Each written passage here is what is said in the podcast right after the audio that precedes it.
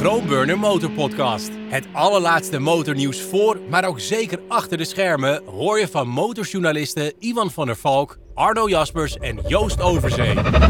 42, ja, 42, ja. Is dat je leeftijd? 42, dat is de helft van de leeftijd van Iwan van der Valk. Welkom iedereen bij de Chromeburner Motor Podcast. Reno, dit Wow. moet eruit hoor. Ja, ja, dat kan niet. Gaat te ver. Oh shit, ja, oké, bedankt. Vandaag gaan we het hebben over de Suzuki GX, waar Iwan mee gereden heeft, de Royal Enfield Shotgun 650, Triumph Tiger ni- 900, de KTM Super Duke 1390 en nog een hoop andere onderwerpen. Wij zijn Iwan van der Valk, Joost Overzijn, Arno Jaspers en dit is de Chromeburner Motor Podcast. Je moet er wel bij zeggen waar we van zijn, eh, Arno. Ja, ik ben van Ducati, Iwan is van Nieuwsmotor.nl. Daar ging het eigenlijk om. Ja, daar ging het En. Joost, Ja. die is eh, nog steeds van eh, Kickstart. En, En Uw complete vijver onderhoud. ja, dat. Maar is het niet handig om gewoon te zeggen voorheen Max Moto of Max Moto bestaat, leeft als nooit tevoren? Max Moto is verkocht aan de freelancers. En wat zij ermee gaan doen is voorlopig nog een vraagteken. Dus, ik dacht dat die dikke ehm, Audi, die is ergens van betaald natuurlijk. Ja. Ja, dat. dat. nee, dat is gewoon eh, de bedrijfswagen. Oké. Maar eh, zullen we serieus Ja, even verder sorry. doen? Ja, Ja. geen probleem. Jij hebt gereden met eh, de allerlaatste, nieuwste Suzuki. Dus vertel ons Ja. alsjeblieft hoe zo'n K5-blok rijdt. Nou, eh, dat is vals. Nee, Dat is, geme- Heel dat is gemeen? Dat is gemeen en goedkoop. Nou, je hebt wel gelijk. Uiteindelijk is de basis het K5-blok. Dat is eh, Suzuki-taal voor eh, eh, 2005. Eh, en daar hebben ze die hele GSX-S-lijn opgebouwd. En dit is dan officieel de GSX S1000GX. En voor het gemak kost, korten we die maar gewoon af tot GX. En op de zijkant staat ook heel groot GX. Dus laten we al die andere shit eraf gooien. Dat ding gewoon vanaf nu GX noemen. Ehm, zij vinden dan wel dat GX staat voor Grand Cross. Ehm, en dan bedoelen ze Grand Crossover. Ehm, en met, eigenlijk zeggen zij het is een crossover, dus een, een, eh, een, eh, een eh, adventure op gladde banden, maar dan helemaal voor het grote tour, tourwerk. het, is, heel complex. Ja, maar het is heel complex. Ja, nou ja, uiteindelijk eh, ehm, is de grap dan, als ik hem heel kort zou moeten omschrijven, Suzuki heeft dan, dan kom ik toch weer in die codes terecht, die Naked op basis van die K5, dat is dan de GSX S1000S. Ja. Daar hadden ze ooit ook Correct. een F van, maar ze hebben nu ook een GT daarvan. Nou, die GT, hoger ruitje, iets meer eh, rechtop, bla bla bla bla. Dan denk je, als je dat al hebt, zeg maar bovenop de naked, dan kan je van die GX kan je een enorme rechtop fiets maken met enorm veel windbescherming. Gewoon de sloper van de, van de GS, ik zeg maar even wat, maar gewoon zo'n fiets, maar dan met gladde banden. Eh, dan heb je de ultieme crossover.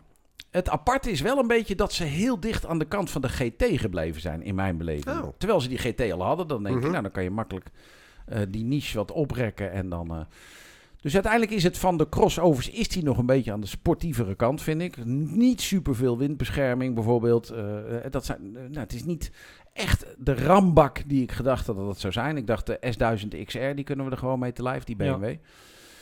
Eh, in mijn beleving is die BMW toch meer een superbike op hoge poten. En is dit toch meer een naked bike met opbouw. En, en uiteindelijk kom je dan in het midden uit. Dat is is, interessant. ja, dat is crossover, dan, dat is het midden, zeg maar. Maar in dat midden zitten zij meer aan Ja. de kant, in mijn beleving, van hun eigen GT... dan aan de kant van een GS op gladde banden, zeg. Terwijl je zou zeggen, inderdaad, als ik je goed begrijp, inderdaad, dat je, je had verwacht dat ze een groter, eh, Groter gat zouden een groter maken. gat zouden maken tussen de GT, Ja, exact. wat dat. eigenlijk een, ja, de toursportfiets is van weleer, zeg maar, een beetje klopt. in de VFR-hoek zit, zeg maar, een beetje... eh, Ja, precies. Dat een eh, beetje, dat, die kant willen ze wat opgaan. En daarom dacht ik van, nou, dit is dan de ultieme kans voor hun. Ik denk, dit wordt de knaller gewoon. Want ik ben wel eens met die S1000 XR, die ik hoog op mijn persoonlijke lijstje heb staan. heb ik ook circuitdagje meegedaan, dat soort dingen. Dat kan Ja. koffers eraf, klik, klik. Ja, en dan ja, eh, gewoon rammen op assen. Eh, en dat kan met deze ook wel. Maar het is toch voor mijn gevoel gewoon wat minder die, die adventure met, met straatbanden, zeg maar. Wat minder een superbike op hoge poten. Iets meer een naked bike op hogere poten. Eh, hogere poten zeg ik er al bij, niet hoge poten. En ja, iets meer gewoon toch die GT met iets meer extra. GT Plus of zo zou ik eerder Ja, zeggen. ver- verbaast me wel een beetje, want als je dan gaat Ja. kijken naar de vier cilinders op hoge poten, de best verkopende, dat is gewoon nog altijd de versies. Hè? Ja. En dat is Ja. dan net een motorfiets die, ja, hij was er voor de S1000 XR. Dat was de moeder van het, eh, van het Maar- genre. Ja. Dat is ook degene die het meest eh, tourgericht is. Terwijl ze bij Kawa natuurlijk ook gewoon, ja, zeg niet meer Z1000 SX, maar Ninja 1000 SX. Die hebben ze daar ook rondrijden. Die sluiten heel nauw aan bij de GT van Suzuki. Ja. Ehm. Als je daar vergelijkende testen van leest, dan weet je ook gewoon ja, welke, bij welke dealer je het meest over de vloer komt. Koop er daar maar eentje. En of het dan een blauwe Maakt of een groene uit. is, dat maakt heel weinig uit. Klopt. Maar dat is bij die GX en die versies dan minder. Ja, ja, nou ik vind wel dat de GX wel veel meer motor is dan de Vers is, zeg maar. Het is wel meer bullig, ouderwets, bam, onderuit blok. Die K5 is niet voor niks natuurlijk. Hè. En, Hij Ja. het is die, Eh. die, die Versus 1000 dat is gewoon ook wel de ultieme tourfiets, vind ja, ik echt. ja, eh, klopt. Ja. En daar komt hij dan niet helemaal aan. Dan blijft hij iets meer hangen Mhm. richting een dikke naked bike met dat dikke blok Mhm. erin. Ehm, uiteindelijk, dat blok is gewoon echt super fantastisch. Alle elektronica die je maar kan verzinnen zit er ook op. Dat ding kost wel 18,5 mil. Maar eh, dan zit echt, echt alles, alles, alles met Ja. elektronisch geregelde vering er ook op van Showa. Dat is voor Dat het- is- echt voor het eerst. hè, voor Suzuki is dat Ja, echt, echt groot Ja. nieuws natuurlijk. Dat ze eindelijk heel veel elektronica erop 18,5 Nederlandse prijs Ja. met elektronische vering, Ja. tractiecontrole, alles. quickshifter, Alles, alles, kofferset alles, alles. ook al erbij. Kofferset is 1000 piek nog extra, dat is Ja, jammer. 1000 Ja. euro, dat Ja. valt dan eigenlijk nog 18,5 mee als je het vergelijken. En een mooie kofferset met kleuren, inlegdeeltjes en zo. Dus uiteindelijk, het is echt een goede aanbieding. Het is echt een goede tourmotor. Maar ik zou hem echt wel een keer proberen als je extra proberen als je denkt dat je er ook eh, dat het die knalbak is die die S1000 XR eigenlijk een beetje gebleven is. Eh, Maar werd er een, werd er een beetje, sorry, tijdens die introductie een beetje gas gegeven? Nou, eigenlijk niet. Nee, de route, dat, de dat is de kick. Dat is, Ja. Als ik zo'n ding zie Ja. staan, dan denk ik, nou, dat wordt Ja. kicken. Dat is goed dat jij daarna vraagt, want misschien de route was eigenlijk gewoon Te toeristisch. matig. Eh Mm. Cascais in de buurt van eh, Lissabon. Nou, daar weet je van. Daar zijn we al zo vaak geweest met andere merken. Daar is het altijd belachelijk druk. Gewoon, dan zit je de hele dag in verkeer te kloten met een ding met 150 pk plus. Dat was hier ook. Zijn we heel even ten zuiden van Cascais. Eh, weet- je weet wel die grote Vasco da Gama brug over. En Ja. dan eh, daar even zijn we in wat bergachtig gebied geweest waar geknald kon worden. Dan loop je tegen twee dingen aan. Eén, de remmen zijn matig, vreemd. Dat zijn Brembo monoblocks aan de voorkant. Twee, er zitten weer die kut Dunlops onder. Ja, even serieus. Dunlop maakt fantastische banden, maar die hebben dan gewoon weer die... eh, Is dat die 22? Of twee, nee, die 22, twee. eh, Die, die? puntje, puntje 2. Sportmax, Sportmax 2 heet dat ding volgens mij, zoiets.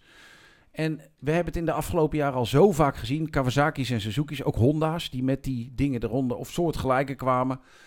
Ehm, het klinkt een beetje sterk, misschien als ik het kutbanden noem, maar in vergelijking met hoe goed die motor is, snap ik er niks van. Japanners krijg je geen woord uit, want zo werkt het dan. Ja. Eh, die gaan e- enorm voor stability, dat zit wel in het Mhm. ding. Eh, maar dat is echt gewoon zo zonde elke keer weer dat er een geweldige motor VFR 800, alle eh, middenklasse Kawasaki's van de laatste jaren worden allemaal... Tegelijk, tegelijk, even kleine correctie, vind ik dan, eh, is dat wel dat elke Kawasaki die uitgeleverd wordt, of het nou hier is in Nederland of op introducties, er komen allemaal gewoon de meest sophisticated eh, Bridgestone banden onder. Ja, dat, En maar dan, dat- dan ga je zo'n ding kopen en dan Ja. zit er een hele andere... Maar dat zegt al genoeg. ja. Ik bedoel, ik heb dat in een vorige test van een Kawasaki wel eens gezegd. Jongens, ik hoef het niet meer te zeggen, want hier zegt de importeur al, Ja. deze banden zijn niet zo geweldig. En tegelijkertijd, als je dan mensen van Dunlop zelf contacteert, dat heb ik ook al meerdere keren gedaan daarover, die zeggen ook van ja, het zijn OEM-banden, dus daar gaat het puur over budget. Ja. Dat zijn banden die je meestal in Europa niet kan krijgen. Klopt. Ehm, deze ook als niet. Je, Ja. Als je naar de, de bandenboer gaat en je vraagt dezelfde, ze zijn er Ja. dus niet. En als je dan de kwaliteit gaat vergelijken met de banden die Dunlop in Europa verkoopt, ja, het heeft ook niks met elkaar te maken. Nee. Dus ik heb de indruk dat eh, ja, het hoofdbedrijf, het hoofdconcern Ja. van Dunlop Ja. zichzelf daar enorm in de voet Er schiet. zit ook een enorm stukje politiek bij, heb ik me laten uitleggen. Ja. Want eh, jullie doen onze kwads en dan doen wij dat. En dan weet je, uiteindelijk ergens wordt er dan gegoocheld en dan mag merk X band Y leveren. Eh, Dunlop, eh, denk ik, die hebben, Dunlop heeft een aantal fantastische banden in de, eh, in de aanbieding. Momenteel die Allroads van ze, die Meridian en die Mutant en weet ik wat. Dat zijn allemaal supergoeie banden. Mhm. Alleen deze snap ik gewoon helemaal geen fluit van. Maar dat schijnt dus ook een stuk politiek te zijn. Eh, maar ja, in mijn beleving, ga naar de dealer. De dealer weet dit. Ik kreeg al voordat ik erheen ging uit de Suzuki dealers berichten. Eh, Nee. Nou, dat wordt weer gezeik met die banden. want dat- Ah, want die nee, weet hè. al een beetje wat er... Die Ja. hadden al gezien welke banden eronder lagen. Die Ja. zagen dat ik erheen ging. En die wisten dus al eigenlijk hetgene wat ik dus nu weer zeg. Probeer bij zo- gelijk... Zolang de zon schijnt, is het meestal toch geen probleem. Ik kan me herinneren op van die koude presentaties, inderdaad, vanaf dat het minste beetje slechte weersomstandigheden zijn, ja, Ja. dan hang je eraan. Maar Ja, verder, ja maar ook wel een schijnt- beetje als je met deze fiets met zoveel vermogen gaat knallen op bergweggetjes. Nou, dan ben je, ben je, loop je heel gauw tegen de beperkingen. En dat is gewoon super zonde, omdat het eigenlijk wel een heel vet Mhm. ding is, die GX. Weet je? Dat, dat, eh, dus ik zou zeggen, koop een GX. Eh, neem de kofferset erbij, kost je 19,5. Dan vind ik dat je minstens daar standaard een ander setje banden mag krijgen. Of dat je zegt, het setje vervangingsbanden, en dat ga ik het eerst wel proberen met deze. Als ik die kom halen, zijn die gratis. Sorry voor de dealer, het spijt me erg, maar dan moet je dat maar bij Suzuki gaan claimen. Het grappige is dat eh, eh, Suzuki Ah, zelf dat ook wel heel ver. weet het ook. Nee, vind ik niet. Nee, Nee? ik vind dat, dat je zo'n motor van dat geld best met goede banden afgeleverd mag krijgen. En niet met deze band. Want die zijn dus niet leverbaar ook in Europa. Ja. En Ja, dan en je bij Sportsmarts of zo. Nou, dat zijn super. Ja, Ja. zet er dan Sportsmarts onder. Ook van Dunlop. Super goede banden. Hartstikke Ja, goed. ja, zou ik ja, zo aanbevelen. Mhm. Hè, dus, dus daar vind ik dat je wel wat mag verwachten. Het was dat jij net zegt, maar ik was al helemaal vergeten dat er van die Naked Bike eigenlijk ook een gekapte versie was. Hè? De, GSX S1000F. Ja, ja. Dus eh, Nee, niet F. eh, jawel, jawel. GT. nee, Nee, de F. je hebt de GT. De GT is de opvolger van de F en die was ik helemaal vergeten. En ja, dus blijkbaar Ja. ook. Je had Ja. al een soort van gekuipte versie Jawel. van die Naked ja, klopt. Bike. Nu, Ja. nu Ik heb nu dus op hebben ze- Isle of ja. Man met dat ding Ja, gereden. klopt. Ja, Ja, ja, ja. dat je daar. Ja, ja, Daar, ja. daar hadden we een introductie toen. Ja, klopt. Ja, grappig. Dus, eh, ja. Ja. inderdaad. Dus, Dat was, eh, dat was een introductie, Isle of Man. Zo. Ja. Ja. Ja. Net iets anders dan Cascais. Met schitterend, met schitterend mooi weer. Ja, ja, ja, ja. Milky Quail als voorrijder. Er was niks mis mee. Nog één vraagje over de, de GX. Hij is ook uitgerust met een IMU dan, aangezien klopt. er eh, vering op zit, bochten ABS. Ja. Maar de laatste technische snufjes à la radar en zo, Nee, dat, vermoed niet. ik En cruise control heeft hij niet. Ja, nee, nee, ja, is nee, ook nee, geen groot is ook op niet die iets wat ik zelf mis of nodig heb. Ja. Als je hele grote afstanden met het ding gaat rijden, is dat misschien prettig. Maar ik ben er zelf niet zo'n voorstander van. Mhm. In auto's vind ik het prettig, maar in motoren vind ik te snel dat als je dan... De, eh, als je rijdt achter een auto, Ja, hetzelfde probleem van in naar auto's. links en dan opeens gaat hij als een jekko er weer vandoor. Dat je denkt, ja maar wacht even, eh, Ja. Wie is er hier nou de, de, Alright. de bestuurder? Ja, kijk? Suzuki staat er weer. Heel benieuwd naar wat die kleine, die kleine GSX 8R Ja, dan, ja, ja, eh, moet ja, worden. ja. Nou, ik ben super blij. Want Suzuki maakt super goede motoren de laatste tijd opeens Mhm. weer. Hè? Ik bedoel, Ja. we hebben echt een dip van je welste achter de rug met die, met die gasten. Ja. Maar Ja. Echt. En het is wel nog lachen, want er komen nog steeds 17 Japanners uit de bus gebuiteld. eh, bij de introductie van, eh, van deze ook. Chef uh, Ja. zuigerveren, die Ja, moet zijn ja, verhaal ja, ook doen. ja, en, ja. eh, ja, dat, Ja, ja je like bike. En dan, Oh. en dan probeer ik altijd toch nog wel van, hè, eh, joh, wie gaat er over die wielen, wie gaat er over die banden? Nou, dan wordt er eentje naar voren geschoven, komt er eentje bij. Dan zeg ik, jongens, leg me nou toch uit. Waarom zitten deze banden eronder? Ja, dan kom je gewoon niet verder. ja, dan is het... Dan is het Ja. Ja, dat, ja.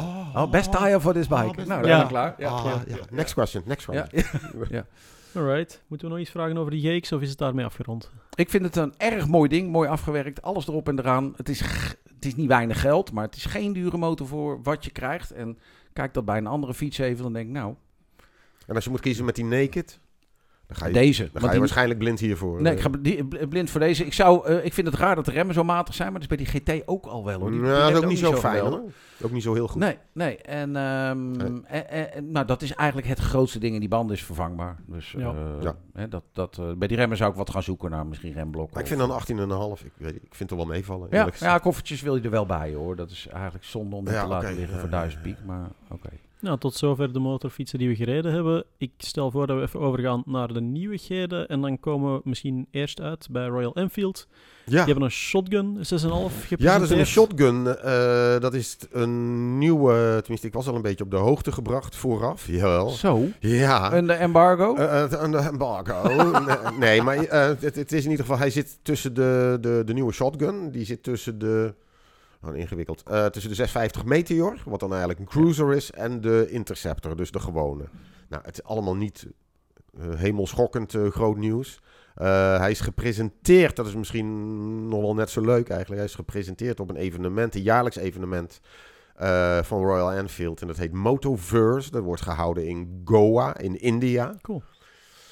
En als je zo'n beetje de video's bekijkt, is een beetje een kruising tussen, eh, nou ik heb het gevoel van tussen, tussen de Zwarte Cross, Pinkpop en, eh, en Wheels and Waves. Een beetje dat, zeg maar. Komen dus, nou ja, er zijn al redelijk wat mensen in India. En heel veel toiletten. heel veel, Heel veel toiletten. heel veel toiletten. Ja. Ja, voor alle eh, buitenlanders als wij die daar toch wel Oeh, last krijgen ja. van de Mumbai Valley. Ja. ja. Ja. Ja, precies. Ja, maar die doen het, Ja. zij doen het in de bosjes, de lokale. Oh, nou daar heb ik geen verstand van. Dat heb ik me laten vertellen. Maar, eh, Hij heeft toch andere wielen, dat ding? Heeft hij niet een 18 en een 19? of zo? Ja, ik geloof wel 17, iets met 18, zoiets? 19. Ik weet het hele fijne niet van. Eh, het is ook allemaal, het was een prototype, dus het is eigenlijk allemaal nog niet Ja. zo heel groot nieuws. Ding komt wel, die shotgun. Maar leuker is gewoon dus dat het op dat Motoverse, daar moeten we dan volgend jaar maar eens een keertje naartoe. eh, met z'n drieën. Ik bedoel, want Wheels and Monkey. Waves in Frankrijk, dat is veel te dichtbij. Hallo, Gewoon eens een meneer keertje- importeur, luistert u mee? ja, Ja. gewoon maar eens een keertje naar India gaan. En bovendien heb ik ook nog even dan de verkoopcijfers eh, eh, toch nog even erbij gepakt. En het is in het afgelopen half jaar heeft eh, Royal Enfield heeft 570.000 motorfietsen verkocht. Jesus Christ. Dus als je nog denkt, als er nog mensen denken van nou, dan ben je een klein, klein bescheiden merk. eh, Ja, ja. 570.000 eh, motorfietsen. kleine, kleine poelen voor een beetje Holy ontwikkelingswerk in een half Eh, jaar. In Nederland Dus, zijn eh, we net over de 17.000 grens gegaan. Ja. We gaan een recordjaar halen in Nederland. Eh, nee, Ja. echt serieus. Eh, sinds 2000 eh, meest verkochte motoren ooit, zeg maar. Maar dan hebben we het over het ongel- 17.000. Dan hebben we het over nieuw verkopen. Ja, ja, ja. Maar als je ziet dan, dat vind, ik- vind ik nog knap hoor. Weet je, als je ziet wat voor een herfst we hebben gehad. En die, die her- Ja, nee waar. Ja. Maar goed, oké. Hey, Kijk, ehm, ehm, eh, Royal Enfield, ehm, eh, eh, Verder is- niks eigenlijk. dat is het nieuws. Ja, Ja, ik meen op de Eikmat ook gezien te hebben dat die Himalayan dat die Ja. een, eh, Ja. een opvolger krijgt. Hè? Klopt, 452 wordt dat nu Ja. volgens Ja, mij. watergekoeld. En, eh, ik zag dat eh Ik had gehoopt dat het- van Itchy Boots heeft er al mee gereden. Ja, ik had gehoopt dat eindelijk eens een 650 of zoiets ging ja, worden, dat maar iedereen. Ja, Ja. nee. Hij is wel vloeistof gekoeld en hij is wat moderner gestyled Mhm. en zo allemaal. En dat is ja, een beetje met de tijd meegaan. Terwijl ja, de echte purist, die zou zo'n oude ja, dat was het eerste wat ik Himalayan, ook hoorde. Himalayan, ik weet niet hoe je het allemaal Himalayan. uitspreekt. Of Himalayan. Himalayan, eh, hoe je dat uitspreekt. Maar in ieder geval, die was echt gewoon heel erg... eh, Ja, back to basics toch? nou, Ja. meer basic kon je het niet krijgen. Ja. Dus nou, enfin, die nieuwe Hima- Himalayan, Hima, Hima, die, die dus, die... eh daar, daar- het is een veelbelovende motorfiets, Ja. zeg maar. Cool. Ja, dan was er nog eentje eh, in de trend van de Himalayan, maar dan wel iets groter. De Tiger 900, die is ook vernieuwd. Echt? Maar ja, Wat was er nieuw? dat dus... Ja. Stel, ik stel me ook de vraag, wat, wat is er eigenlijk net nieuw aan? Het zal waarschijnlijk eh bold, Oh, bold new ik zal jullie even bold vertellen wat- Oh. Joost, jij mag naar de Ja, introductie, hè? Ik ga komende zaterdag. Het is nu- Succes. wat is het vandaag? Dinsdag? Wat is het vandaag Ja. eigenlijk? Eh, Het is eh, maandag. Maandag nog steeds. Maandag. Oh, Ja. nou ja, goed. In ieder geval, komende zaterdag dus ga ik vier dagen Oh. naar Malaga om met de nieuwe Tiger Als ik naar Malaga? rijden. Maar, Ja. ik, maar ik, ik, ik moet mijn huiswerk nog een beetje doen, Ja. zeg maar. Oké. Oh, Oké, ja. Is het nog steeds een driecilinder? Het zit nog steeds een driecilinder. En het is, eh, weer- 900? Ja, 900. steeds met de 270 graden krukas. En dan moet ik ook nog even uitzoeken, want dat is wel eh, ook, heel raars. Even volledig eh, buiten beschouwing. Maar ehm, mijn opticien die eh, had een Tiger 900 met 180 graden. Nee, de 800 met 180 graden krukas. En dat Mhm. hebben ze veranderd twee jaar geleden, drie jaar geleden naar een 270. Hij heeft die 270 gekocht. Die nieuwe dus, die Ja. nieuwe configuratie. En dan vond hij maar niks. En na een maand heeft hij me ingeruild voor een oude 180. Ah, dat is zo grappig, hè? hoe mensen toch zo totaal uit, de, uit hun lood geslagen kunnen worden door een iets andere motorconfiguratie. Exact. En Exact. dat gaat dan puur over die zo. Kruka- Krukas timing. Maar Ja. ja. bij twee cilinders is het net hetzelfde. Hè? Een 180 tegenover een 270. Compleet ander gevoel. Wereld van verschil. En ik moet toegeven, ik had dat bij die Tiger 1200 ook, want daar hebben ze dan ook die andere Krukas timing eh, aan toegevoegd. En ik, ik ga niet zeggen, het voelde niet meer als een driecilinder, maar het was echt zo wel meer, meer Ja. tractor dan Ja. ja. soepel lopende speed triple, street triple, dat gevoel. Dus ik eh, begrijp je opticien volledig. Ja. Dus Ja. Ik, en ik heb eh, dus aardig wat vragen te stellen. Ik, eh, aan, kan eh, jou opticien ook wel de volgende dingen melden, want zo ben ik dan ook wel weer redelijk moet snel. ik even een andere bril Ik pakken? heb even Nee, op ja. een eh, website gekeken die eh, nieuwsmotor.nl heet. 13% meer vermogen, 108 pk, 90 newtonmeter. Meer trekkracht onderin, bla bla bla bla bla bla bla. 9% zuiniger met brandstof. Veiligheidsvoorzieningen. Oké. Nou, Eh, hartstikke leuk. waarschuwingssysteem dat de knippers aangaan bij een noodstop. En eh, nieuwe lichten en een nieuw dashboard. Nieuwe zadel. Ja. Je weet het wel, 90% nieuw. Zit er ook een buikkuip op? Of wat was ook alweer? Een, eh, nee, een, eh, een Een buikkap. Een buikkap. Wel Meer een, vermogen eh, wel een koppel- snelschakelaar. En- betere MT10 die had een prestaties. buikkap? En meer comfort. Ik denk dat die buikkap dat al een comfort, comfort Buikkap, heeft, Ja. ja. Ja. Nou, dan- Mooi. Ja. Nou, dan, eh dankjewel. Over 14 dagen Succes ondervraging. Ja. Ja, dan, eh, dan weet je alles. En de opticien ook trouwens. ja, ja. Misschien een laatste nieuwigheid. Eh, ja, geen kleintje of ja, SDR 1390. De Super Duke die is vernieuwd. Zo. En oké, iedereen heeft die koplamp intussen wel gezien, hoop ik. Ja, Ja, een speciaal ding. ja. Ja, Nou moeten, ja, We, moeten we het er weer over hebben? Ik moet Ja. het er niet opnieuw over hebben, maar ik noteerde ook wel dat de Super Duke voortaan 190 pk heeft. Ja. En daarmee die had ook wel KTM... wat meer vermogen nodig. Hè? Die 180 Exact sloeg dat. helemaal nergens Dus op. ja, Dat was echt zo was al, was al niet vooruit te branden. Nee, het, het, va- het valt me gewoon op, omdat 190 pk ja, voorheen KTM introduceerde met 180. Toen bleek dat ze dat niet echt gingen halen, maar dat maakte ook helemaal niet uit, want ja, het heeft al meer dan genoeg pk's en vooral het koppel Het van koppel, die dat twee is het, dat is weet je. hetgene. PK's, dat is marketing. Vind, Ja. vind ik bij dat Ja, ding. over marketing Dat gesproken, wat ik schattig vind, is dit is de 1390. Maar hij is wel 1350 cc. Ja. Ja. Ja, Ja, tuurlijk. Ja, dan moet ik dan om lachen. Dan denk Ja. ik, jongens, hoe dan? ja nee, Ja. Maar ja, verder, eh, qua En die koplamp is nieuwigheden, wel eh, bijzonder. alles staat gewoon in de schaduw van die koplamp, hè. Ja. Jesus. Ja, ja, Ja. Nou, ook wel van de prestaties. Want hij heeft meer dan 140 newtonmeter aan koppel en 190 En- pk. Ja, dus- dat valt nog mee, want dat was voorheen was het 144 newtonmeter en nu is het Nu er is het 105 145. Dus Oh. dat maakt niet het grote verschil. Het zijn vooral die ja. pk's waar het gewoon dan ook meer misschien marketingtechnisch eh, een verhaaltje is, dat ze dat zo hebben opgetrokken. Ja. Ja, ja En vertellen er jullie het maar wat het karakter van die... aardig hard gewerkt te zijn om de betrouwbaarheid wat beter te krijgen. Dat snap ik best. Ja, ik heb een... Nou ja, dat is niet eerlijk. Ik Ja. heb een oude Supertube Wow. gehad en die was eh dus een 99. Ja, maar nou ouder dan, ja, eh, weet dat je wel, maar- dat was niet zo geweldig. Maar nu ook, ze, ze, ze zeggen ook, en dan doet me aan een bepaald merk denken of zo, dat de kleppen stellen bij 60.000 kilometer. Oh. kijk eens aan. Hey, kijk ja. eens even. Ja. Welk merk zou dat zijn? Ja, Maar ehm, dat er duidelijk gewerkt is om de betrouwbaarheid groter te maken. En als er dan fabrikanten dat schrijven, Ja.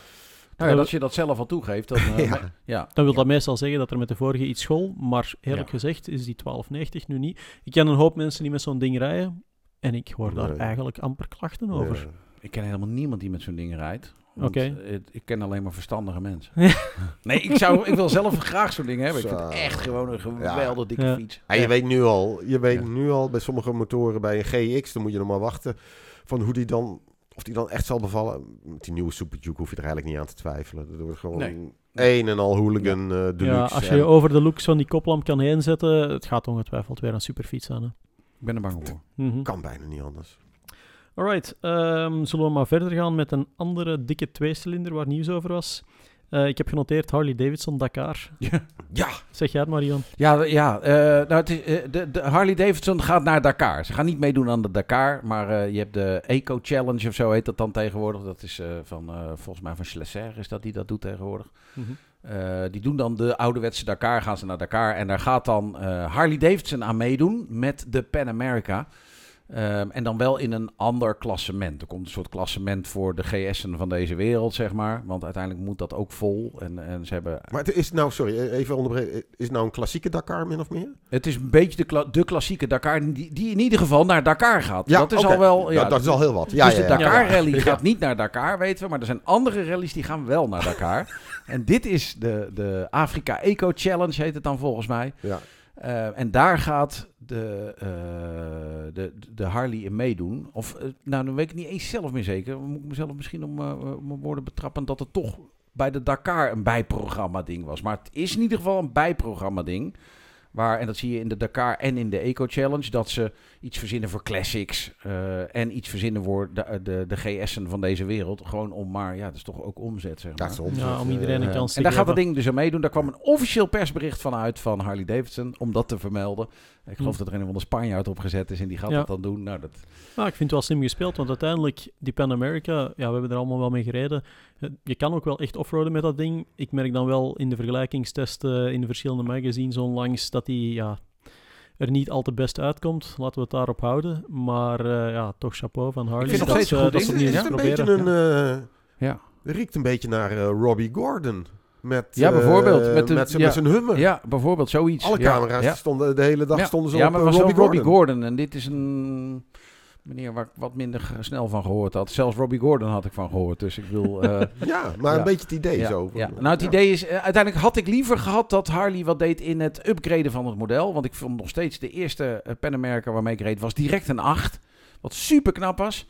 Alleen daarna hebben ze eigenlijk er geen reet meer aan gedaan. En dat Mm. vind ik zo ontzettend een gemiste kans. Dat ik denk, jongens, er zijn zulke makkelijk aanwijsbare dingen die, Ja. als je daar niet al te veel aan doet, want de basis klopt echt wel. Ja. Als je er niet echt hele super gekke Ja. dingen aan doet, maar gewoon even. Want ondertussen is die er wel al drie, drie jaar En ze verkopen er nul meer van. Dat is echt super zonde, want dat is echt een leuk ding. Zo jammer, hè? er zit heel Ja. veel potentieel in dat model. En Ja. oké, ik begrijp, Zo, ze zitten ja. daar in het meest competitieve segment voor Europa Klopt. momenteel. Ja. Dus eh, ja, je weet sowieso van een nieuwe GS, daar ga je het niet van halen in vergelijkingstesten of wat dan ook, of qua Hoeft verkoopcijfers. ook niet. Hoeft ook Maar Nee. ja, dat hoeft Ja. inderdaad Nee. niet. Hè. Nee. Je hebt maar zo'n aantal- zo'n ja. uniek product. Wat je ook doet, maak er doe dan iets. iets van. weet Ja, kleine Ja. dingen, weet Ja. je wel. Ik weet nog wel, toen de elektronica, hij moet altijd aan de druppel laden, want hij verbruikt veel te veel stroom en bla bla bla bla.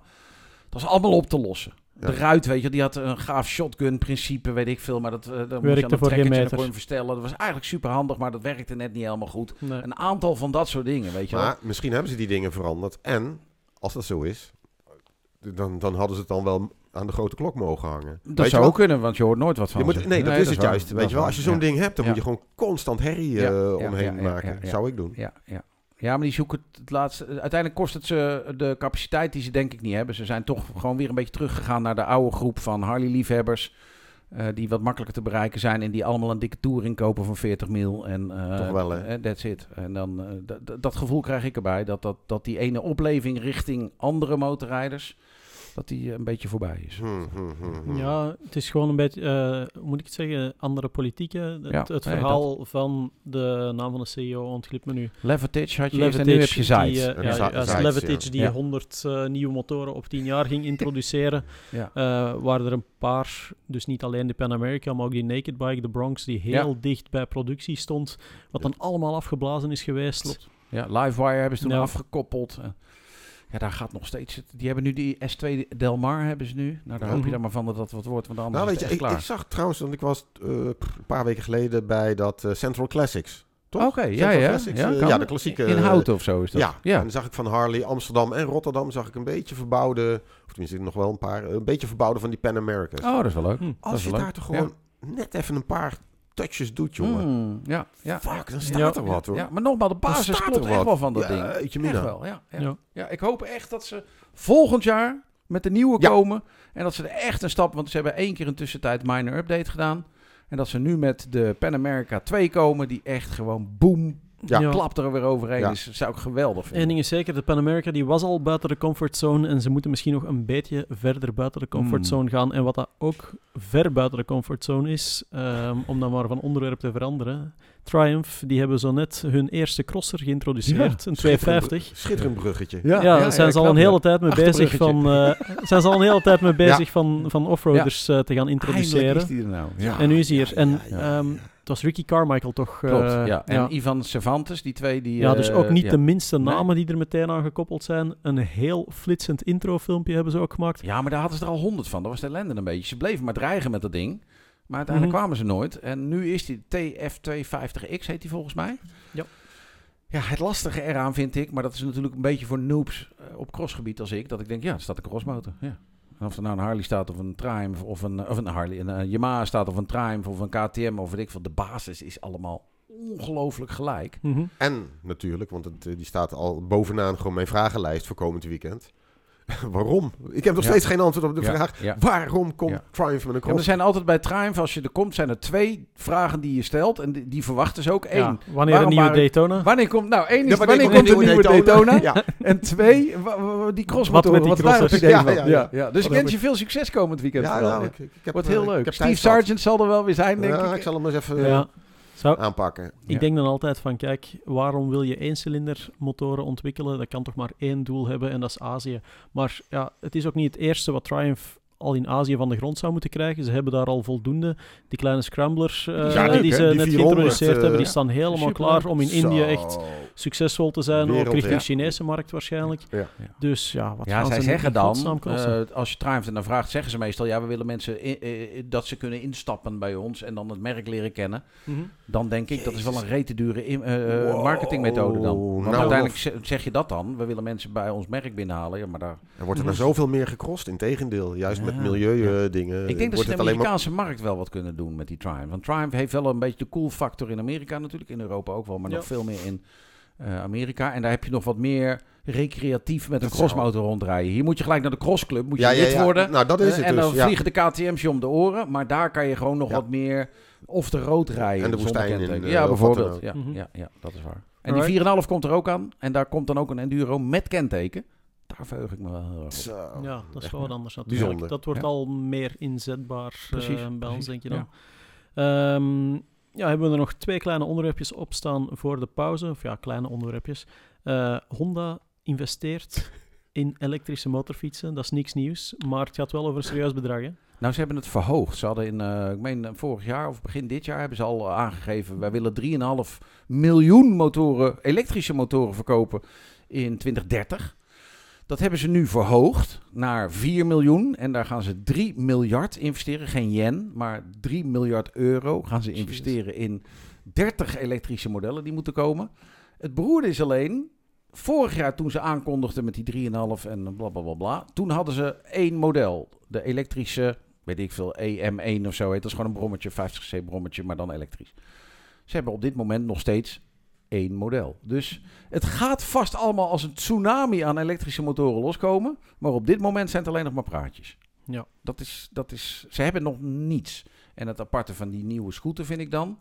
Ze zitten in al die consortia met eh, uitwisselbare accu's. Ja. Komen ze met hun eigen uitwisselbare accu. Nee. Ja. Oh, Ja, nee. dat verbaast altijd weer. Hè? Ja. Hoe ze dan een en andere samenwerkingsverband tekenen. Zelfs niet alleen de Japanners ondereen, maar ook met Nee, de Europese klopt. merken erbij. Ja. Ja. En dan het enige wat je ervan ziet verschijnen, echt qua productie, ja, dat zijn zo van die eigen, ja, ik mag het geen misbakseltjes noemen, maar ja, dingen waarvan je weet dat het, productiepotentieel heel laag ligt. Ja. Ja, wat ik apart vind is dat al die kleine merkjes, Chinese merkjes waar je nog nooit van gehoord hebben, die hebben al 30 modellen. Ja, En Honda heeft nog maar één model. Ik, alleen ja, aan de andere kant, als en de grootste motorfabrikant ter wereld en 3 miljard euro, mhm. ja, dan weet je dat tussen nu en dan heb je het over nog maar zeven jaar. Hè. Dan moeten ze, over zeven jaar moeten ze 30 elektrische modellen hebben. Hm. Dus dat wordt gewoon beuken, beuken, beuken. Eh, binnen no time denk ik dat we allemaal met onze bek openstaan. Dat we denken, ah, ja, en dat sluit ook Ja, wel aan bij het ja. laatste wat we erop hadden staan. Namelijk, eh, er is weer wat eh, gerommel rond de Euro 5 Plus norm die eraan zit Ja. komen voor iedereen.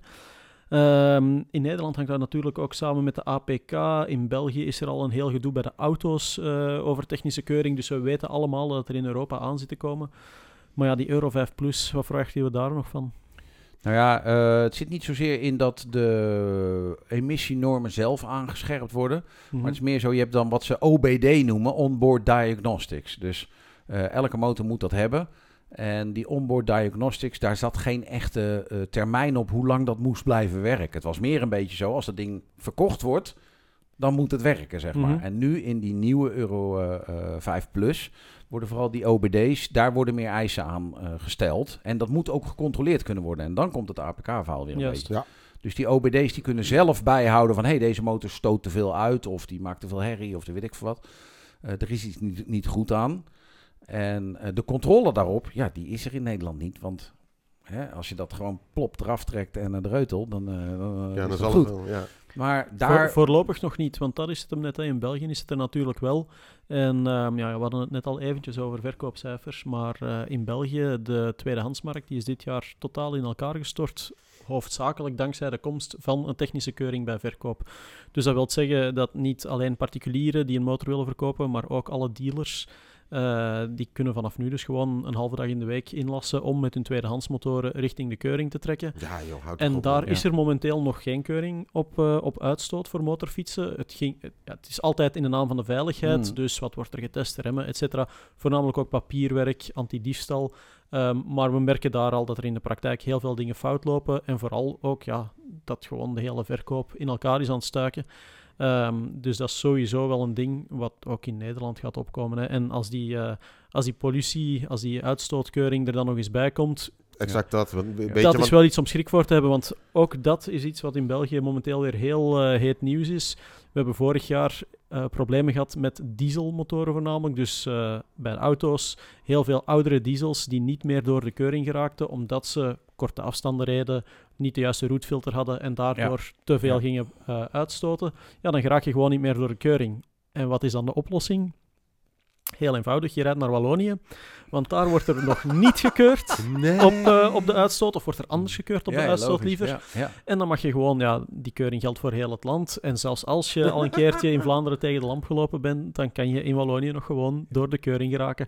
Dus het is weer een... Pollution is eh, een Frans woord, toch? Of niet? Ja, Oh, exact. ja, ja, de pollution. Ja, Het is weer een, eh, een mooi ja, Europees verhaaltje waar Oh, ik vrees dat jullie in Nederland ook niet Ja. gaan aan ontkomen. Nee. Nou ja, Nee. ik denk dat de APK voor motoren er gewoon aan zit te komen. Dat, eh, Nou ja, zeker als er inderdaad met maatregelen komen van Precies. hoe- is je motor nog Ja. met 30.000 kilometer. ja. Dan is het ook, en, en in Frankrijk is het echt een super hot item. Oké. Ja. Super, super hot item. Als je de, de Fédération Française de Motards en Colère, dus de, Oh, ja, de boze, de boze motorrijders. Ja, ja, ja. En zo, nou joh, als je ook op, op hun site kijkt. En ja, maar die pompen het ook wel een beetje op natuurlijk. Ja, dus bij de, natuurlijk pompen de ze FEMA en bij de. MAG is dat ook zo natuurlijk. Ja, natuurlijk pompen ze het op of zo. Maar de, maar de, de, hoe heet het? De, de APK, wat eraan zit te komen daar, dat is echt een heel Ja. eh, hot item. Ja. En daar komt nog bij, wisten jullie dat trouwens? Dat, eh, wat ik ook daarbij las, dat in Parijs sinds een jaar dat je motorfietsen betaald parkeren. Echt?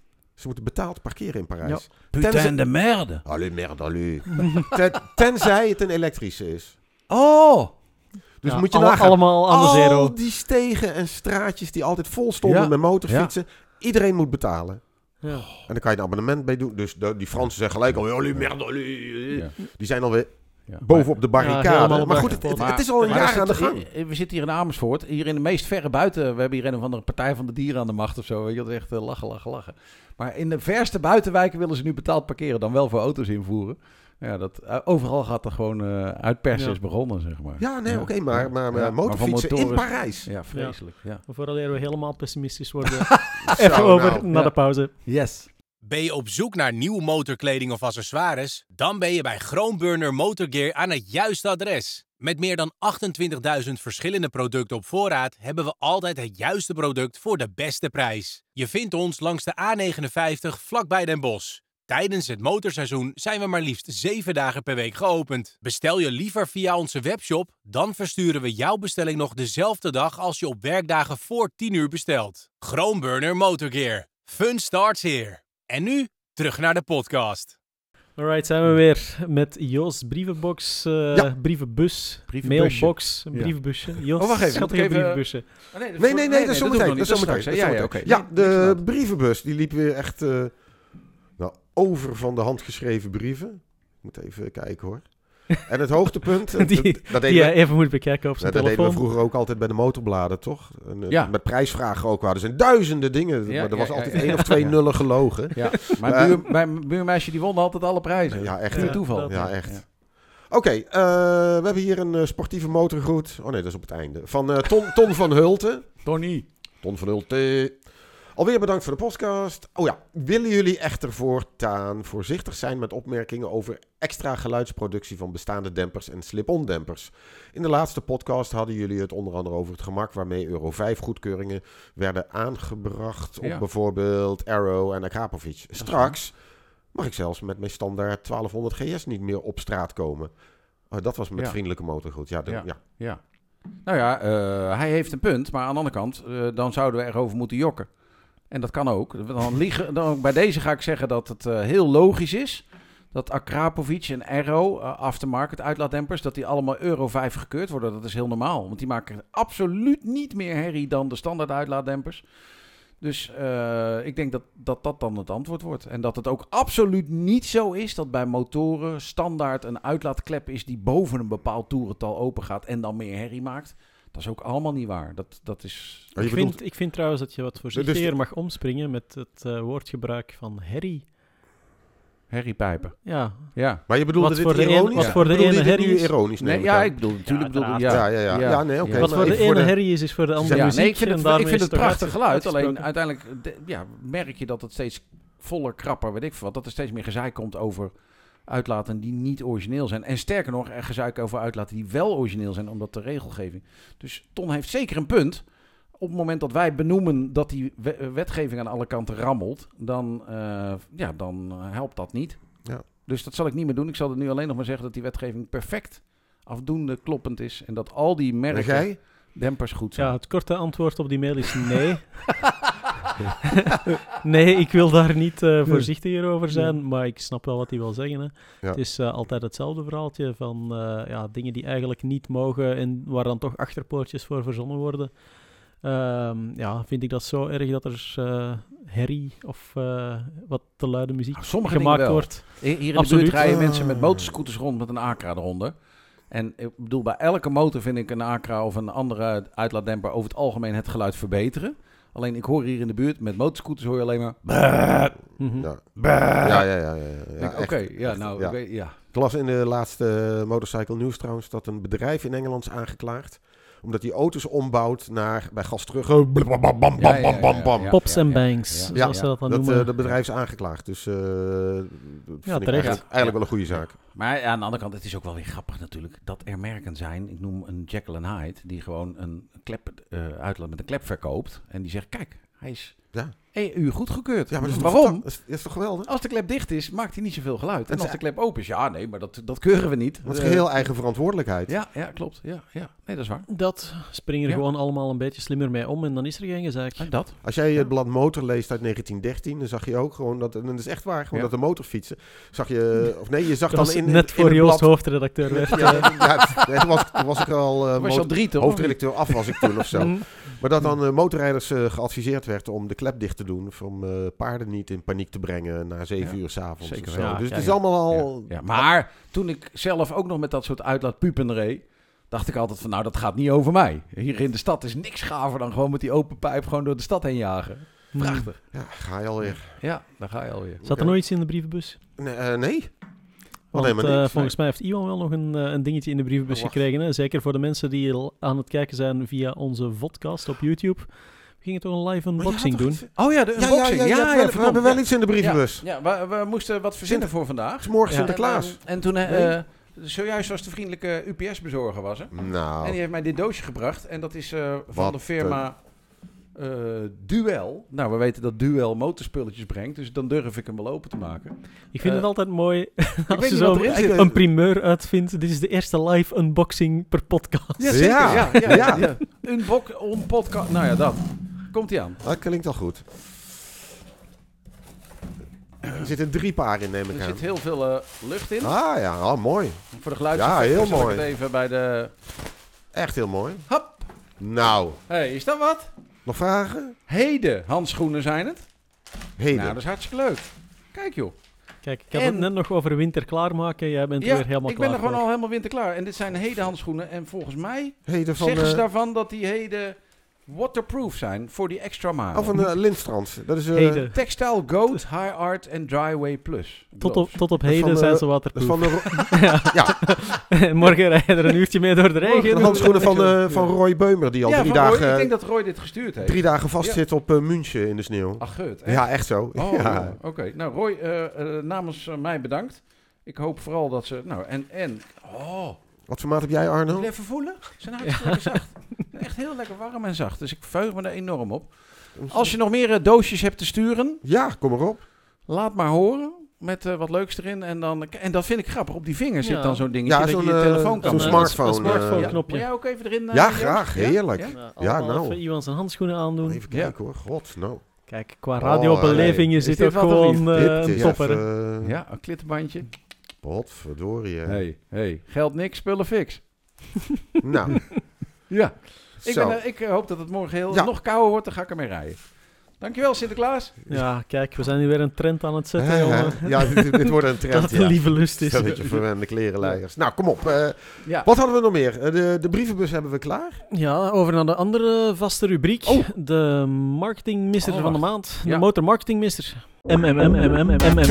De Ja. motormarketingmisser. Dan ga ik hem even, eh, opstarten. Ben je er klaar voor? Ik ben er wel min of meer klaar voor eigenlijk. Let op, ik start het geluidseffect. Start de band, meneer. Even geluid. ja, ik moet even kleine inleiding voor de. Een kleine inleiding voor de Belgische eh, dingen. En in het verleden had je een legendarisch radioprogramma gepresenteerd door Jan van Veen. Dat heette Candlelight. En dat waren mensen die dan in de problemen zaten of zo. En eh, in ieder geval, dat, eh, dat, dat werd een prachtig eh, programma altijd. Meestal heette het gedicht hij of zij. En het werd vergezeld van Mantovani, de muziek. Dus Ivan, zet hem maar weer even zachtjes aan. Dan Ja, nog een keer? lees Ja, ik even. Ja, want maar als ik hem laat lopen, Ehm, dan gaat Jan er zelf doorheen praten. Begin gewoon weer opnieuw dan, hè? Zeg maar. Avondzon heet het. Avondzon. Het gedicht heet Avondzon. Wij kregen een brief van C-motoren. Een C-motoren... eh, CF-motoren? nee, omwille van de privacy wilde niet genoemd worden. Een gedicht en het heet... Herten. Een elektrische motorfiets kun je meenemen naar een sprookjesland. Laat je geruisloos door het bos vervoeren, zodat je de schoonheid extra kunt waarderen. Zeg dankjewel tegen moeder natuur en rijd geruisloos langs herten. Diep. Nou, dit eh, prachtige eh, komt dus van Koning Motoren en die zijn dealer van RG... RGNT, dat zijn Ja, die elektrische... elektrische Ja, motoren. ja, ja, eh, Regent. Nou, ik denk... eh, Ik ik, vond- weet niet, als ik, als ik het zo lees, dan denk ik van dat de kerstborrel bij hun al En begonnen dit was de marketing. Is dit echt uitgestuurd als een persbericht of is dit gewoon in jouw brievenbus beland? Nee, dit, is, dit staat op eh, Instagram en op, Ja, eh, op ja, Facebook en alles. ja, Ja, dank moeder natuur eh, Ja. voor de herten Ja, eh, of ja, zo. ja, Nou, ja. Voor de, Dus eh, jongens, ja, kunnen Nou, alsjeblieft even sterk. normaal doen. goed verzonnen. Ja, elektrische motoren mag je gewoon alles over zeggen. Gewoon, Ja. Mag je gewoon emissieloos zeggen. Dat is geen enkel probleem. Ja. Nee, die, die stroom die komt gewoon nergens vandaan. Dat is... eh, Dus dank, ja. dank. ja, ik vond Ja. ook wel dat je het prachtig Ja, voordroeg. dat vond ik ook. Echt wel een van Vond de betere van... eh, ja. Eh, motormarketing missen we nog meer? Ja, ik eh, heb geen woorden, maar tranen voor eh, het vorige. Eh, ja, we hadden er nog eentje hè, in verband met de KTM 1390. Daar hoorde ook een, een knaller van een persbericht bij. Oh ja. waar de, de vertaling uiteraard ook weer een topper was. Maar vooral, ehm, hoe ging het nu ook alweer? Assumptuous ja, dat was... Eh, le- en eh, eh, wat was het gevaarlijk of zo? Miljard, ik ben hem helemaal kwijt. Maar het was Ik een weet- angstaanjagend. Angstaanjagende angstaanjagende motor was motorfiets. Ja, ja, ja, dat Ja. vond ik wel heel dapper. Ja, angstaanjagende motor, ja. Ja, ik denk dat we daarmee de marketingmissers wel gehad hebben voor deze Ja, het is niet meer te verbeteren dit.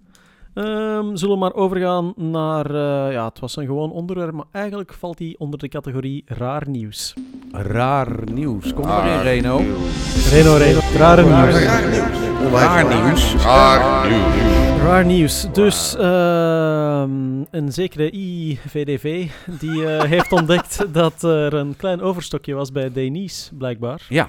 En dat er dus bij de accessoiristen, kledijfabrikanten en vooral de verkopers van kledij, dat er zo wel eh, ja, een paar dingetjes aan het rommelen zijn. Niet in het minst bij onze sponsor Chromeburner. Ja, ja, nou ja, niemand wil dat natuurlijk graag eh, vertellen. Maar als je in de markt bent voor eh Dainese motorkleding, eh, accessoires, weet ik veel wat, is dit het moment om de een. Maar ik denk dat het ook bij andere merken gaat gebeuren. Want je ziet het in heel veel branches. Iedereen heeft na corona de fabriek vol aangezet. Want er was verviervoudigde eh, vraag. Ehm, nu zie je dat dat eigenlijk een beetje aan het normaliseren is. En dat alleen die vraag niet verviervoudigd is, maar misschien wel verdubbeld of wat gestegen. Dus iedereen die eh, eh, in dat soort spullen zit, die bulkt van de voorraden. Dus, en vooral bij Dainese schijnt dat het geval te zijn. Die hebben een enorme overstok op de markt gegooid. En zijn daarmee aan de gang om die spullen te verkopen. Onze vriendelijke sponsor Groenburner heeft 50% korting op alles van Dainese. Echt waar? echt waar. En Mhm. dus, dat zijn echt gewoon bizarre bedragen. Dus ehm, eh, eh, ze zijn niet de enige, moet ik er dan eerlijkheidshalve bij zeggen, die enorme korting kan geven. Omdat die overstok opeens op de markt gekomen is. Maar het is wel heel even makkelijk. Doe even groenburner.nl en dan zie je en zoek even onder de D. Dan zie je echt, Echt bizarre waar? Ja. aanbiedingen. En het zou mij niet verbazen als andere merken daar ook nog wel mee moeten volgen straks. Want eh, het beste voorbeeld is fietsen. In Nederland waren eh, fietsen waren niet aan te slepen. Je moest gewoon een jaar wachten op een nieuwe, nieuwe mountainbike fiets, ja. of een elektrische fiets. Momenteel staan alle dealers ram, ram, ram vol met fietsen. Want die hebben allemaal gedacht, oh, nu, eh, nu gaat het gebeuren. Dus, en dan kwam de vertegenwoordiger langs die zei, ja, als je even, ik zou wat meer bestellen, want je weet nooit of het ook Ja, echt ja, komt. of de productie er ook echt wel gaat zijn. En eh, dus iedereen die vulde keer vier in op het bestelformulier, eh, omdat het gekkenhuis was in de zaak ook. Mensen stonden te, te schreeuwen om, om fietsen. Ja, van van met- vooral. Van Moves vooral, ja, ja. En bij motoren heb je dat ook een beetje, dat het nog wat aan het rommelen is. Maar vooral accessoires, helmen, dat soort spul. Ja, daar eh, was een enorme vraag naar. En nu opeens is er een enorm aanbod en is de vraag weer normaal geworden. Dus heb je wat nodig? Ja. Gewoon Ja, Ben je in de markt voor motorkledij? Dan is het moment. Huh? Oh, Dat is de verpakking van de Oh, handschoen. je bent nog aan het verpakking unboxen. van de handschoen. nee, maar het, het is wel redelijk triest, want dat je als, eh, tenminste dat heb ik wel een beetje geleerd van de marketing, waar ik nooit een opleiding voor gehad heb, maar als state-of-the-art merk, als echt topmerk, Ja. dat je dan zo naar 50% moet en, en, en nog meer moet Ja. dumpen. Ja, maar Danes is tegenwoordig van een eh, eh, investerings, een zeer grote investeringsmaatschappij. Ik geloof dat dat zelfs die KKR is, die eh, een van de grootste investeringsmaatschappijen ter wereld. Ja, en dat is allemaal leuk en aardig. En geen eh, merkerosie en eh, dat soort dingen, woorden krijg je dan. Maar op een gegeven moment mot je er gewoon vanaf. Ja. En ik hoorde dat vanuit verschillende dealers komen, dat zij dus ook aanbiedingen krijgen vanuit eh, die, die stokvoorraad van nou echt, echt bizarre bedragen. Dus sla je slag. Ik bedoel, goed voor iedereen toch? Hm. Vooral voor ons als consumenten, zeg maar. Dat eh, Ja. is eh, goede handel. Ja, allemaal naar de Chromeburner toe. Allemaal een kroonburner, ja. Laatste onderwerpje dat ik nog heb, vooraleer we een eh, heel spectaculair, spectaculair item gaan introduceren, is eh, ja, MotoGP, motorsport, moeten we het toch even over hebben. Ik weet het, we hebben Valencia denk ik vorige keer al wel behandeld. Iedereen heeft de race gezien en als je hem niet hebt gezien, ja, dan heb je ook nog iets anders niet gezien. Want de tests na Valencia, die waren dit jaar toch wel net iets specialer dan andere jaren. De man met de meeste ervaring, de meeste, het meest rijke palmares in de koninginnenklasse, die verandert van motorfiets. Dus eh Marc Marquez voortaan op de Ducati. En wat hij neerzette tijdens de tests was ook wel de moeite. Zo. Ik weet niet of jullie gekeken Ja. hebben, maar Ja. ja, Ja, ja, ja. ja. wel even Ja. van mijn sokken geblazen. Ja. Nou ja, het, was, het begon eigenlijk op maandag al. Ik was, toevallig was ik eh, eh, dat weekend daar. En maandag was er ook een test van Moto 2 en Moto 3. En die veranderen van Dunlop naar Pirelli. Mhm. Die reden er allemaal gewoon al een seconde vanaf. Ja, De snelste wedstrijdtijd van eh, zondag, daar werd maandag al een seconde op Pirelli's voor het eerst afgereden.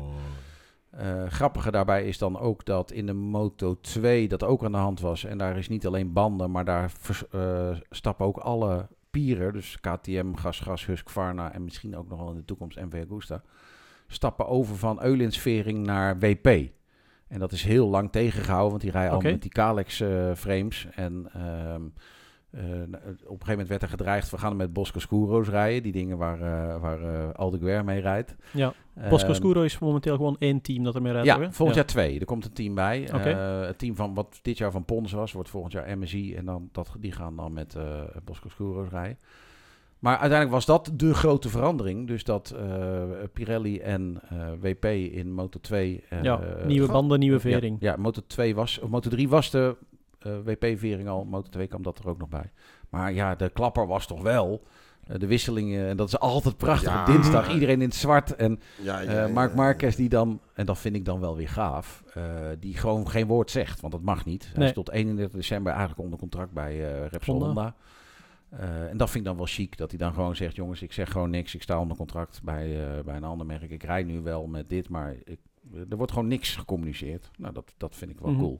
Maar de tijden die spraken wel voor zich, denk ik Dat dan. wel. Ja. Dat wel. Hij was erg snel. En ehm, ja, eh, iedereen zegt wel dat kon volgend jaar wel weer eens iemand die gelijk voor de titel weer meedoet of zo. Vraag is natuurlijk wel een beetje of dat zo is. Ik bedoel, je ziet heel veel coureurs die heel snel de stap kunnen maken. En vooral van het kaliber van Marc Marquez. Maar om dan de laatste tiende te vinden of zo, of de laatste drie tiende te vinden, dat is dan echt nog wel. Wat mij eh, altijd opvalt in die test is dat zo'n Maverick Vinales daar ontzettend goed in scoort. En dat is al sinds de tijd dat hij bij Yamaha was, hè, dat hij eh, daar onklopbare tijden neerzet. Ja. Ja. En ja, als puntje dan bij paaltje ook, komt, ja. was, Ja, was ook weer de snelste dit keer op zijn Aprilia. Maar eh, dan komt de start van de eerste race en Zo, nog voor ja. de eerste bocht hangt hij weer eh, in de, in de toch, subtop. En pas Ja. naar het einde van het seizoen, als de druk van de ketel is, dan komt hij weer zo'n beetje opgeklommen. Maar Ja. ja, dat wordt hem nooit Er niet. zijn meer coureurs die er last van hebben. Ik bedoel, in de afgelopen jaren, bijvoorbeeld een Nederlandse coureur, Bo Bensnijder, had dat ook wel een beetje. Dat hij in het voorseizoen waanzinnig sterk was. En dan kwamen de wedstrijden en dan eh, was het toch meer. lastig. Hè? Mhm. Maar ja, er zijn meer mensen die één rondje heel hard kunnen rijden, maar een hele wedstrijd is dan toch net andere koek. Ja. Ik wil nog, ik wil nog even noemen. eh, Fabio Di Gianantonio. Ja, Wat een held, hè? Ah, sympathieke gast. Ja, Ja. ja, ja, wat een Ja. held. Eh, Daar Ja. ben ik echt eh, Ja. daar ben ik heel blij van geworden. Ja. Moest ik Ja. van het weekend nog aan denken, want Fabio is een tijd lang niet zo populair geweest in Nederland, omdat hij in de Red Bull Rookies een aantal clashes had met dezelfde Bo Bensnijder die ik net noemde. En die hebben elkaar wel eens eh, serieus hard om de oren gereden en eh, nou, duw- en trekwerk en eh, alles was, eh, was geoorloofd. Mhm. Maar ja, uiteindelijk eh, daar... Dus ik heb ook een tijdje gedacht, nou die, die, die Fabio Di Gianantonio, Nee, hoor, dat, is wordt een, hem niet meer. dat is een Ja, eikel van een vent, dat kan niet. ja, ja, ja, dat Ja. kan niet. Maar dat dat wordt bleek gewoon niet. ook nog een hele leuke, vriendelijke, makkelijk aanspreekbare eh, eh, jonge vent te zijn. Die Ja. echt gewoon ja, heel veel heeft. En dan ook nog eens keihard kan gaan. Want dan leek het heel lang eigenlijk ook niet zo op. Nee. En opeens, eh, ja... Dat Opeens staat hij er. En eh, voor volgend jaar heeft hij dan toch ook weer een contract. Ja. Begrijp. uiteindelijk, Als ja, de aller, allerlaatste. Ja, ik was Ja. daar dat weekend en dan kom je donderdagavond, is de persconferentie. Nou, dat is dan het moment waarop dat soort dingen worden aangekondigd over het algemeen. Nou, daar werd dan gezegd door eh, Luca Marini, nee, er komt wel, ik zou het wel heel gaaf vinden om in een fabrieksteam te rijden. En dat lijkt, oh, dat wordt zo tof. Jo, Maar er wordt niet gezegd hoe of wat. En eh, die Gian Antonio werd dan, eh, die kwam dan, ja, het lijkt me ook heel gaaf om bij, nou, ik weet meen dat hij zelfs bij VR46, het leek me zo, en, eh, maar het werd dan weer niet bekendgemaakt. Mhm. En uiteindelijk werd het pas maandagavond bekend of zo, dat soort dingen, weet je wel. Dat was ja, echt- ja. en dan moest er dinsdag al getest worden. Dat was Meteen best aan de vage bak. Shit. Ja, Ja. ja. Ja. Ja, En ik dacht zelf de primeur in handen te hebben. Ik loop daar in de paddock. En ik zie daar dat... eh nee, Zonte van de Goorweg zei dat tegen me. Kijk, daar gaat... Aldequer gaat zijn eh, motorhome in. Of zo. Ze hebben van die hotel eh, units daar. En dan gaat Pablo Nieto van het VS46-team... loopt daar ook naar binnen. En de ouders van Aldequer gaan naar binnen. Je denkt, nou, dit wordt hem. Maar ja, Mhm. toen was er al gezegd dat het hem niet zou worden. Dus ik denk dat daar juist binnen officieel gemaakt werd dat dat hem niet zou worden. Dat was wel... ja, ja. Maar hij won hem wel weer. Dat was alweer heel tof. sterk. Ja. Misschien toch al... Durf wel een voorspelling doen voor de MotoGP volgend jaar? Oh, nee. Ja, nee. Nee? Nee. Ja, weet ik, je, ik is- weet, ik weet dat we het aan het begin van dit seizoen gedaan hebben. Ja, hebben we gedaan, ja. Ja, Nee, ik dat was- we er ik was, compleet eh, langs zaten. Martien hoop ik dan maar. maar. En dat hoop ik vooral, want ik denk dat, het, eh, dat dat niet zo is. Maar ik vind het gaaf als een, Ja. eh, als een niet-fabrieksteam wint. Ik vind het jammer dat hij nu niet gewonnen Ja. heeft. Ja, Ja, dat absoluut. Echt heel jammer. Dat absoluut. Echt Ja. heel jammer. En ik vind eh Pecco vind ik ook wel tof. Mhm. Maar hij is ook wel een beetje eh, heel lief, zeg maar. En eh Jorge Martien is wel echt iets meer een sloper. Daar Ja, dan Ja, wel gewoon, ja, nou maar nog. Dat, Ja. hè. Daar hou ik Ja. wat meer En met zijn sprint eh, races, weet je Ja. wel. Het, eh, is Wie, Martin. wie, wie had jij nu weer eh, aan het begin Ja, van ik dit had, jaar? ik weet het nog hoor. Ik had nog, aan het begin van dit jaar had ik eh, eh, Zelenberg eh, op de als eerste. nee, Zelenberg, eh, hoe heet hij nou? Die Portugees? eh, hoe heet hij ja, nou? ja. Oliveira. Ja, Oliveira. Oliveira. Ja. Oliveira jij zou wereldkampioen worden. Ja. Ja, Nou, jammer. Ja, ik weet niet. Ik weet niet meer wat ik gezegd heb. Ik gok gewoon uh, Marquez of zo gegokt. Nee, of uh, Als Pecco, ik me niet vergis, eh, zat jij juist met Ja. eh Bagnaia, wat Ja. ook wel een beetje de voor de hand liggende keuze Ja. was. Bij mij Laffe werd het al duidelijk na de eerste wedstrijd dat Bastianini hem niet ging worden. maar eh, laten we nu ook wel eerlijk zijn. Daar, Nou, wie eh, hoop? ja. Wie hoop? Wie hoop? Jij, jij hoopt Martin. Ik hoop Martien dan. Ja. Oké. Ja, Ja? ja, ja. Ik hoop gewoon dat Marquez hem terug gaat winnen. Oké. Ja. Ja, ook als niet-fabrieksrijder, als eh, man met het rijkste palmares, die de laatste punt. jaren Ja. echt heel Ja. veel pech heeft gehad, waar, wel heel waar het duidelijk zijn. blijk Ja, was dat Honda gewoon niet de investering ging doen om van die motor iets te maken. ehm, die ja, ook terugkomt van ontzettend zware blessure. Die er dan nog eens een paar keer. Oké, hij staat zelf bekend als enorm agressieve rijder die heel veel risico's neemt en vaak dingen doet die niet door de beugel kunnen. Maar hij heeft dan ook nog eens een paar keer de pech gehad die er echt werd afgereden, zoals in de Ja, laatste wedstrijd ook weer. Ja. Dus Zo. eh, ik Zo, zou het wel... foto van uh, Randy van der van, Ja, eh, ja, van ja, ja. Hè? Ja, Dat Marquez weer helemaal in de lucht. ja, ja, dat was weer een, eh, een flinke klap. Maar uiteindelijk vind ik wel vaak dat er een groot verschil is tussen degene die je denkt dat kampioen gaat worden en degene die je hoopt dat kampioen gaat worden. Mhm. Ja. Ik hoop eigenlijk, weet ik veel, Brad Binder of zo, dat lijkt me ook vet. Of, of Ja. een Aprilia, of gewoon in ieder geval Ja, ja, ja. eh, teams waarvan je het niet zo verwacht, weet je wel. Ja. Of merken, dat lijkt me wel gaaf. Nee, ik denk ook voor de sport dat gewoon eh, de sport in het algemeen naar publiek dat niet constant naar MotoGP kijkt, dat het ook gewoon goed zou zijn moest Marquez echt eh, de comeback maken. Dat is waar. Dus eh, dat Ja. zou ik heel cool vinden. Maar inderdaad, er zijn zoveel mensen waarvan ik hoop dat ze winnen. Een DJ, om maar iets te noemen, een Bastianini, die volgens mij nog Ja. altijd veel meer in zich heeft dan hij nu heeft wel, laten zien. Alles wat we hier noemen, iedereen die we hier noemen, dat is gewoon Ducati, hè? Ja, dat wel. Ja. Het Dat zou ook wel de bedoeling zijn als Honda en Yamaha weer een beetje hun spul eh, voor elkaar weten te krijgen. Want anders, Hm. als die nog een jaar ontzettend op de broek krijgen. Ik was daar na dit jaar eigenlijk al bang voor. Dat ze, Dat, ze er dan zouden kappen. zeggen, jongens, ja. de tering. Mhm. eh, we stoppen gewoon met het Ja. hele spul. En dan eh, kunnen we ons redelijk makkelijk ook uit de Moto 2 terugtrekken. En misschien de Moto 3 ook nog wel. Ja. Misschien nog even op doorgaan, want de concessies die, eh, die dit jaar gedaan worden, dat is toch wel weer een andere, andere wetgeving. Ja. En als we het dan over Honda hebben, daar merk je toch ook gewoon dat die motor dit keer wel compleet opnieuw ontworpen is. Dat het niet eh, gewoon, oké ja, aerodynamica, we plakken er een vleugel tegenaan en klaar. Dat ze echt wel meer hun best hebben gedaan om, eh, om ja, een geheel te bouwen. Maar het is nog heel vroeg om dat te zeggen. Nou dat. Ik vind die concessies, aan de ene kant is het fijn dat er iets gedaan wordt, dat merken die wat minder goed mee kunnen komen, dat die erbij komen. Mhm. Anders krijg je straks Formule 1, dat Ja. Verstappen met 17 seconden voorsprong wil, dat, wint, dat wil je niet. Eh, aan de andere kant, het is zo'n rekensom geworden. Ik vind dat in de World Superbikes dan niet Ja, uit te man, leggen. man, en dat man, wordt ook man, niet eens uitgelegd. Dan zeggen ze gewoon, ja, het algoritme. Het algoritme heeft bepaald dat jij eh, twee extra Ja, maar jij bent ook te licht, dus Ja. dan krijg je zoveel Ja. kilo. Ja, dan- ja, ja. Dus, dus uiteindelijk is dat eh, altijd een soort van eh, ja, stuiter. Waarbij je aan, aan de ene kant vindt: jongens, als jij gewoon wint, moet je geen straf krijgen. En als je verliest, moet je geen extra hulp krijgen. Mhm. Want anders heeft het geen zin op de baan. Aan de andere kant willen we ook niet terug naar races dat uh, Wil Hartog met drie minuten voorsprong won. Ja. Eh, d- ja, dat. dat, dat eh, eh, Maar het is duidelijk dat er wat moest gebeuren om eh, de fabrikanten die geen data van acht motoren iets, op de grid hebben staan. Ja. En uiteindelijk hebben ze denk ik het zelf verkeerd gedaan door die acht motoren toe te laten. Juist. Uh, maar ja, aan de andere kant, als andere merken niet willen, dan moet je ook wat. Dat, Mhm. uh, je ziet nu bijvoorbeeld in de Moto 3 valt er een team uit en daar komt gewoon niemand voor terug. Mhm. Hè, want ze willen steeds exclusiever, steeds minder motoren Ja. op de grid. To Ja, be continued aan Ja. het begin van volgend seizoen. Massia had trouwens niet eh, kampioen hoeven worden voor mij. eh. Nou, ik vind door die ene race, die heeft hij echt wel heel slecht gedaan. Heeft hij dat, dat was gewoon echt niet netjes. Achteraf denk ik dat daar ook zenuwen een enorme rol bij gespeeld hebben. Uh, als je hoort hoe die voor de wedstrijd was.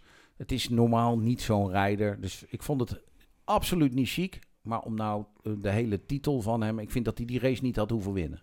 Okay. En dat hij in die race het wereldkampioenschap heeft gewonnen... is eigenlijk gewoon matig. Maar ja, aan de andere kant is wel echt een goede rijder. Heeft eindelijk eens een goed jaar waar alles klopt. Ja. Bijna alles klopt. Ja. Want er was er ook zo eentje aan het begin van het jaar dat je, dat je dacht, ja, daar gaan we weer. En die Ja. heeft dan best een aardig jaar en dan uh, word je weer vierde. En dat is hartstikke goed hoor, vierde in de Moto 3, waanzinnig goed. Ja. En, maar nu, Maar daar kom je niet voor. daar kom je niet Hij- voor. hij niet, nee. En hij had al redelijk snel zijn deal rond. Naar, uh, hij wordt volgend jaar teamgenoot van Ben Snijder. Ja, dat, nou, dat wordt ook wel weer aardig. wel echt Ja. heel benieuwd. Ja, we Mhm. hebben Colin Veijer volgend jaar weer in de Moto 3. Dat wordt ook wel weer heel erg tof. Het zou tof zijn als we weer eens een Belg zouden krijgen die... Uh, ja, Barry Baltus dit jaar hele aansprekende resultaten leek Ja. te gaan halen, maar uiteindelijk wegzakte aan het einde Mhm. van het seizoen. Dus um, We, nou, gaan, we gaan het blijven. We gaan het blijven. Ja. Over naar het uh, laatste onderwerpje. Ik zei het er net al. Heel ja. ja Ik ben wel benieuwd. gloednieuw, prestigieus, Nou, exclusief, premium. Ik uh, kan nog wel een aantal superlatieven verzinnen, Ja, maar dan. het Nou, komt er gewoon neer dat, uh, nou eens op. dat, dat Iwan het briljante idee had om in de volgende aflevering de motorfiets van het jaar te verkiezen. Exact. De Groenburner Motorpodcast Motorfiets van het jaar. En belangrijk daarvoor is dat we rekenen op jullie, onze luisteraars. Want als we dan even nog wat pluimen op onze eigen hoed mogen steken, de Chromeburner Motor Podcast is gewoon de grootste motorgerelateerde motorpodcast van de hele Benelux. Is dat zo? En Ja? omstreken. Jawel, absoluut. Dat hebben we gecontroleerd online. Daar uh, hebben verschillende mensen ook ons al over gecontacteerd. Dus uh, daar Ja, mogen we, we best wel, handschoenen. mogen we eh, best toegestuurd. wel fier ja, op ja, zijn. Ja, mooi, mooi handschoenen. Maar, Laat ze nog even zien hier. Dat- nog eentje aandoen. Ja, ik doe ze nog even laten Rot op met je handschoenen. maar dat is dus niet alles. Mooie handschoenen. Dat is hoor. dus niet alles, want ehm, ja, we gaan de motor van het jaar verkiezen en daarvoor hebben jullie, onze luisteraars, nodig. We rekenen erop dat jullie gewoon heel eventjes een mailtje doen naar nieuwsmotor.motorpodcast.nl Andersom. Sorry, motorpodcast.nieuwsmotor.nl motorpodcast.nieuwsmotor.nl En dat jullie ons daarom, daarin ons vertellen wat voor jullie de motorfiets van het jaar is. Ja, het moet wel een motor zijn die nieuw te koop is op dit moment, zeg maar. Ja. Eh, we zouden kunnen zeggen dat die misschien ook nog nieuw moet zijn in dit jaar, maar eigenlijk Moet hij moet gewoon nieuw, nieuw te koop zijn. Ik denk, ik denk Ja. verder geen criteria, maar, maar Nee. wel een kenteken of niet? Of Eh, wel een kenteken. Wel een dat eh, anders toch? wordt het wel heel lastig. Eh, Die eh, Triumph die gaat hem anders op zijn sloffen winnen. Die T, Mhm. TX250F, TF250X. Nee, maar Schrik rot. Nee, Nee. Heel, heel duidelijk Ja, weer. nee, dus Maar, maar jullie input wordt dus zeer gewaardeerd. Geef een beetje aan waarom jij denkt dat dit de motor van het jaar is. Mag elke reden zijn die je maar kan verzinnen. Eh, als je er geen hebt, hoeft het ook niet. Dan stuur we je gewoon een- we hebben een motorfiets door. hoofdprijs. en we hebben een... Oh ja. Zet je handschoenen. Nee, nee, nee, Ja, nee, nee, nee, nee, van Roy. Beumer. Dan moet ik aan Roy dan wel weer even vragen of, eh, of hij nog een setje heeft, ja. Kijk, we Nou ja, we zorgen wat. sowieso dat er nog iets aan eh, gekoppeld wordt. Maar het belangrijkste is dus dat we echt op jullie, op jullie rekenen. Ja. Voor jullie input, dat wij volgende keer de motor van het jaar kunnen kiezen. En uiteraard ga je daarin ook weer onze mening te horen krijgen. Wij waren Iwan van der Valk, Joost Overzee en Arno Jaspers. Van de Halversons Motorpodcast, toch? Heel veel Ja. bedankt om te luisteren naar de Motorpodcast. Ja, hartstikke leuk. Dankjewel Roy. Jojo.